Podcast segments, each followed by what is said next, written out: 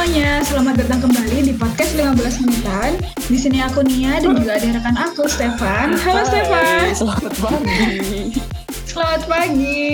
Ya berarti uh, sekarang kita udah berdua nih. Cuman kita bakal kedatangan lagi satu guest yang merupakan seseorang dengan jurusan double degree yang ada di Perancis. Boleh dong kenalin diri kamu. Halo Arles.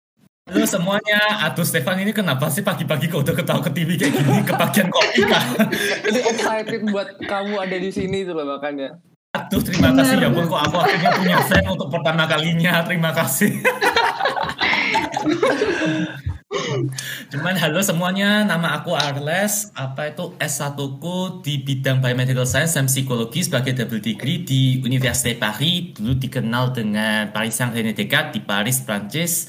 Dan sekarang bentar lagi minggu depan aku bakal mulai S2 di Belanda jurusan farmakologi dan biopharmaceutical sciences di Leiden. Wow. Berat ya. Oke, okay, kita tone down dulu sedikit. Kamu tadi bilang kamu double degree di Prancis jurusan psikologi dan biomedical Biomedis. science. Ya kan? Mungkin kamu bisa cerita dikit dulu dong. Kenapa kenapa kamu memutuskan udah kuliah jauh-jauh di Prancis? Udah susah-susah pakai bahasa Prancis yang sangat susah dan Betul memilih sekali. double degree. Itu kenapa kamu memilih untuk masuk ke jalur yang ini gitu aku penasaran sebenarnya Apa itu namanya? Ya, aku mulai dengan alasan kenapa aku kuliah di Prancis dulu. Apa itu? Karena ini berkaca dengan pengalamanku sendiri ya sebenarnya. Karena kebetulan waktu itu, waktu aku SMA, aku ada kesempatan untuk menuntaskannya di Singapura sebagai anak beasiswa dan di saat-saat itu aku merasa benar-benar tertantang dalam diri sendiri sebagai diri sendiri dan aku merasa bahwa aku sangat bertumbuh sebagai orang sebagai sebagai anak juga. Dan pertama kali aku ke Singapura kan aku kan juga bisa bahasa Inggris cuman ujung-ujungnya oh aku merasa ya aku bertumbuh gitu aja lah karena aku bisa jadi bisa bahasa Inggris dan aku bisa Ah. sukses berintegrasi terhadap masyarakat Singapura dan punya teman-teman Singapura banyak. Jadi waktu itu aku cuman pengen menantang diri aja sih apa itu apakah aku bisa memulai lagi di negara baru yang aku gak bisa bahasanya mempelajari sesuatu yang memang gak bisa bahasanya apakah aku bisa gitu. Udah dan kurang tertantang ya di Singapura gitu memilih tantangan baru lagi gitu ya ceritanya ya sekarang aku melihat lagi ke belakang aku cuma mikir gue kita nopo ora toh? Kalau aku tuh gila apa enggak sih? Kurang gila apa enggak bener sih dulu 4 tahun yang lalu setelah aku lulus SMA aku merasa entar lah itu namanya ini aku udah enak banget di sini aku pasti yakin kalau aku kuliah aku juga tertantang lagi. Cuman aku merasa terlalu ada di comfort zone lah ada di aku merasa terlalu merasa di zona nyamanku dan aku merasa aku harus break out of the bubble kayak gitu. Dan dan apa itu namanya aku mikirnya ya mumpung aku masih muda lah mumpung badan masih kuat mumpung kenekatannya masih ada ya kenapa tidak? Gitu kan. Tapi kalau untuk kenapa Prancis sih sebenarnya alasan utamanya karena apa itu kuliah negeri di Prancis kan gratis. Hampir sama kayak cuman ya sebenarnya nggak gratis sih 170 euro per bulan. Cuman kan ya tetaplah kalau dibandingkan dengan Indonesia atau Singapura kan tetap jauh lebih murah ya. Alasan utama itu sih sebenarnya. Dan ya kenapa tidak untuk mempelajari bahasa baru lagi? Bahasa Prancis kebetulan lah ya waktu itu. Mhm. tapi kenapa memutuskan untuk double degree dan kenapa dua jurusan yang spesifik tadi Ya, kalau da- kenapa aku memilih psikologi dan biomedik? Sebenarnya jurusan utama aku waktu itu biomedik karena memang aku tertarik dengan yang namanya science science, biologi itu. Dan tapi aku gak pengen masuk ke dokteran waktu itu kayak aku bener-bener gak mau jadi dokter tapi aku tertarik makanya dari situlah aku ngerti oh kalau biomedik kan aku bisa belajar kayak di di belakang kedokteran jadi mungkin itu lebih cocok untuk aku dan emang waktu semasa SMP SMA pelajaran sains gitu ya emang aku paling suka sih bagian praktikum. Jadi ya aku merasa memang ini cocok untuk aku. Dan kenapa psikologi juga? Karena aku tertarik dengan integrative healthcare, dengan bagaimana penyembuhan sebuah pasien dari titik nol sa- sampai titik kesembuhan. Dan integrative healthcare, untuk integrative healthcare itu kan tidak hanya substansi farmakologinya saja kan, tidak hanya obat-obatan yang diberikan saja, tapi juga kesehatan mental dan mental state-nya pasien kan. Jadi aku tertarik untuk mendalami kedua-duanya hal itulah untuk bisa memberikan apa itu sebuah terapi atau penyembuhan yang lebih menyeluruh terhadap sebuah patologi gitu. I see, bener-bener. bener. Um, mungkin aku mau tanya dikit kali ya, perbedaannya biomedis sama yang tadi kamu mention kedokteran itu sebenarnya apa sih yang paling mendasar? paling mendasarkan kedokteran itu kan sebuah profesi, sebuah profesi yang harus berkaitan dengan langsung dengan pasien. Jadi mereka juga jadi setahu saya ya apa itu namanya mereka juga harus mempelajari etika, kode-kode dengan pasien, harus belajar bagaimana melakukan dengan pasien, studi klinik gitu-gitu. Kayak apa itu? Aku hanya ingatnya bahasa Prancis ya kok bahasa Inggris sama bahasa Indonesia kan aku lupa ya bentar. kayak ada masih pagi ya apa itu kayak jadi kalau orang kedokteran kan kalau dokter-dokter kan harus apa itu berkaitan langsung dengan pasien tapi kalau kita biomedik apa itu kita hanya belajar kayak science behind kedokteran kayak gitu Ah, Hmm. Jadi lebih fokus benar-benar ke ilmu manusianya gitu kali ya. ilmu manusianya habis itu ya kayak ilmu integratifnya gitu kayak ilmu kalau kita biomedik benar kita juga ada spesialisasi juga tapi mungkin tidak se- sespesialisasi kedokteran jadi kita juga ya masih mempelajari patologi-patologi dan apa itu eh, penyakit-penyakit lain molekuler-molekuler di balik penyakit-penyakit tersebut apa itu namanya obat-obatan yang mungkin bisa kita berikan untuk untuk penyakit-penyakit tersebut gitu-gitu Aha. Aku tuh bikin penasaran deh. Kamu tuh seberapa terobsesinya sih dengan manusia karena kamu belajar biomedical science yang tentang fisik manusia, tapi psikologi sebagai mental health-nya manusia. Jadi aku tanya, seberapa terobsesinya kamu dengan manusia sampai kamu memilih mendalami semuanya tentang tubuh manusia gitu. Kenapa? Apa sih motivasi di balik itu yang kepingin kamu di- dengan bidang yang kamu pelajari tadi? Fun fact, setelah 4 tahun aku belajar psikologi, aku justru malah sadar, oh aku memang ternyata benci manusia kok. Enggak siapa ya, ya waktu aku SMA gitu kan emang emang aku kan tertarik dengan banyak bidang kayak gitu dengan ada banyak banget lah yang mau aku coba kayak gitu. Bahkan bahkan bidang di luar sains sebenarnya kayak bidang kayak seni bidang yang kayak drama drama musikal gitu tari kayak gitu gitu aku kan tertarik. Cuman bidang lain-lain juga lah banyak apa itu namanya bahkan yang bener-bener random pun lah bahkan kayak craft bahkan jadi kayak membuat jam tangan sempat aku kepikiran juga. Cuman jujur aja waktu itu aku sampai nyadar aku emang aku emang goblok aku emang gak bisa ngelakuin apa-apa di luar di luar sains jadi X-nya lah yang kayak mau gak mau Ada gak sih kayak pengalaman-pengalaman menarik ataupun kayak tantangan-tantangan yang kamu alami gitu selama kamu pelajari dua hal tersebut dalam satu waktu yang sama? banyak banget ya ampun apa itu Silakan namanya spill. ini sesi curcol nih ya jadinya aduh Iya dong, boleh. selaku ah ya yang pertama kan pasti apa itu namanya ya orang-orang kan sering nggak ngerti gitu kan apa itu apa kaitannya biomedik sama psikologi. Habis itu prejudice gitu kan pasti kan ada. Habis itu terutama Prancis orang di Prancis orang-orang justru mengiranya oh aku malah nggak ngerti dengan apa yang aku mau lakukan di masa depan karena aku ngambil dua kayak gini mencabar kayak gini.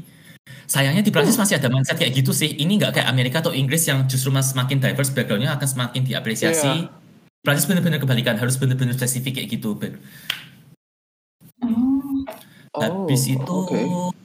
pasti tentu aja ya, apa itu namanya rata-rata orang kan yang juga single degree gitu, yang kita kita yang double degree kan ya nggak banyak. Jadi ya apa itu namanya ujiannya ya double, habis itu kelasnya ya double gitu, habis itu contohnya anak-anak biasa yang normal gitu kan cuma kuliah satu habis itu kayak dari Senin saya Jumat biasa gitu kan. Kita kita apa itu kuliah satu ya ada habis itu bahkan kita selesai kuliah normal pun kita harus tetap nonton video rekaman apa itu majornya kita yang satunya lagi. Jadi Iya. sampai aku kayak tiap hari gitu tidur tidur bener-bener kayak bener-bener larut malam gitulah hanya untuk bisa apa nyelesain semua materinya itu. Jangan Tapi yang sebenarnya kan ngeklaim dua dua Bener, kayak bener-bener dua jurusan. kan iya. bener kayak bener-bener dua jurusan di satu yang sama. Habis itu kalau kayak beberapa universitas atau beberapa program gitu kan kayak istilahnya double degree atau double major tapi kan istilahnya kayak satu program itu ngambil kayak beberapa modul tambahan satu atau dua gitu. Habis itu namanya tetap double degree double major. Aku enggak aku bener-bener dua di saat yang bersamaan kayak gitu jadi ya. Dan yang paling susah tetap lah ya bahasa Prancis tetap lah. Iya. tetap mau nggak mau. Oke, terus sekarang kamu dengar-dengar tadi udah bilang mention di awal, kamu memutuskan Iya. untuk lanjut ke Belanda untuk mendalami bidang farmasi. Jadi kayak betul betul betul ah, di- kayak kamu tuh udah ahli di bidang farmasi, kamu juga kepingin jadi ahli lagi apa yang masuk ke tubuh manusia gitu intinya. Terus kenapa sih kamu memutuskan untuk masuk ke bidang farmasi dan kenapa juga di Belanda? Kenapa nggak lanjut di Prancis atau ke negara lain gitu misalnya? Jadi gini, sebenarnya waktu aku di Prancis, aku ada kesempatan untuk mengikuti pertukaran pelajar, program pertukaran pelajar Erasmus namanya di Inggris.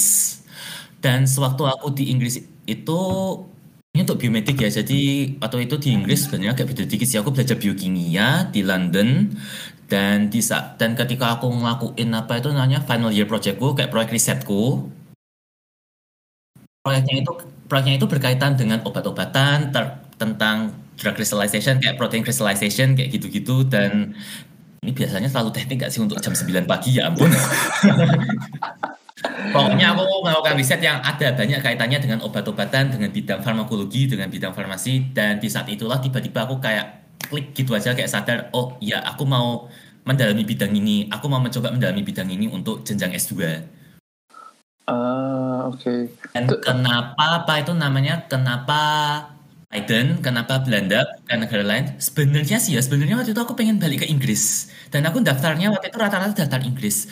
Cuman waktu itu aku mikir kan, ya karena corona lah ya. Itu kan karena ada banyak faktor. Aku mikir cobalah, mending mungkin aku tak daftar beberapa universitas di mainland Europe lah di Eropa daratan. Jadi waktu itu aku juga daftar beberapa tempat gitu kayak di Prancis, di Swedia juga. Tapi kenapa Leiden waktu itu aku dapat informasinya dari waktu aku semasa pertukaran pelajar waktu aku di Inggris. Kayak salah satu kolaboratornya profesorku itu kan dari Leiden. Habis itu aku kayak nyari-nyari info gitu kayak di aku kan di Biochemic History Society kayak di tempatnya kuliahku gitu habis itu mereka kan juga ada kerjasama dengan Leiden kayak gitu kayak kayak salah satu student association-nya sini jadi kayak dari nama gitu aku tahu habis itu aku ngecek aja sih kayak di websitenya Leiden tentang riset-risetnya ada apa jurusan-jurusan apa. Habis itu ketika aku baca-baca aku cuma bilang loh kok ada yang aku mau ada riset yang aku mau ada jurusan yang aku mau di sini jadi ya daftar gitu aja dan kok keterima. Gitu aja sih sebenarnya. Oke oke, berarti emang perjalanannya cukup panjang gak sih buat nemuin ini ini ini yang aku pengen gitu? Hmm, sebenarnya.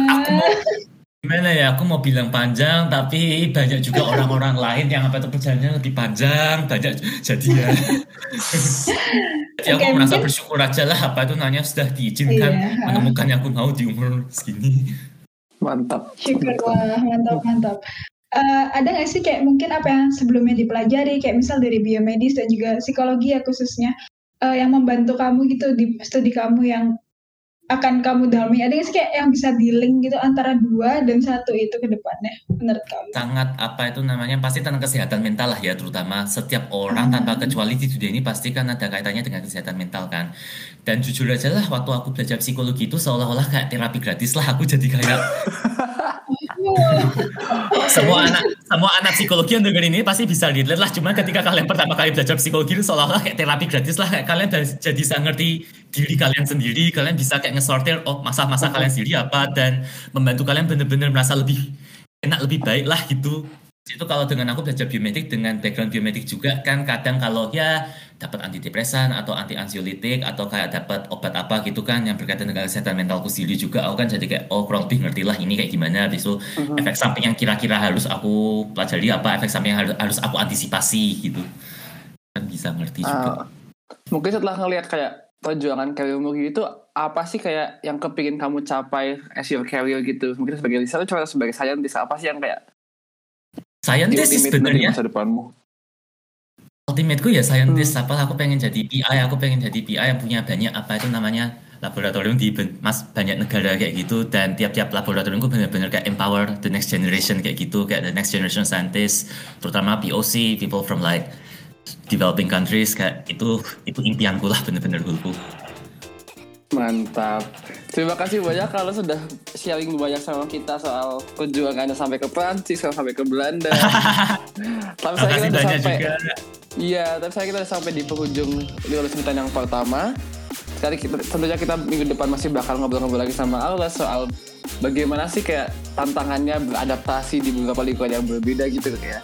Tapi kita sudah sampai di penghujung episode kali ini. Terima kasih buat teman-teman sudah mendengarkan. Ini adalah 15 menitan podcast di mana kita bercerita tentang teman-teman yang masih berjuang untuk masa depan mereka dan masa depan Indonesia. Jangan lupa follow kami di 15 menitan dan subscribe di platform podcast favorit kalian. Ini adalah 15 menitan. Oh, jangan lupa. Siap. Bye-bye.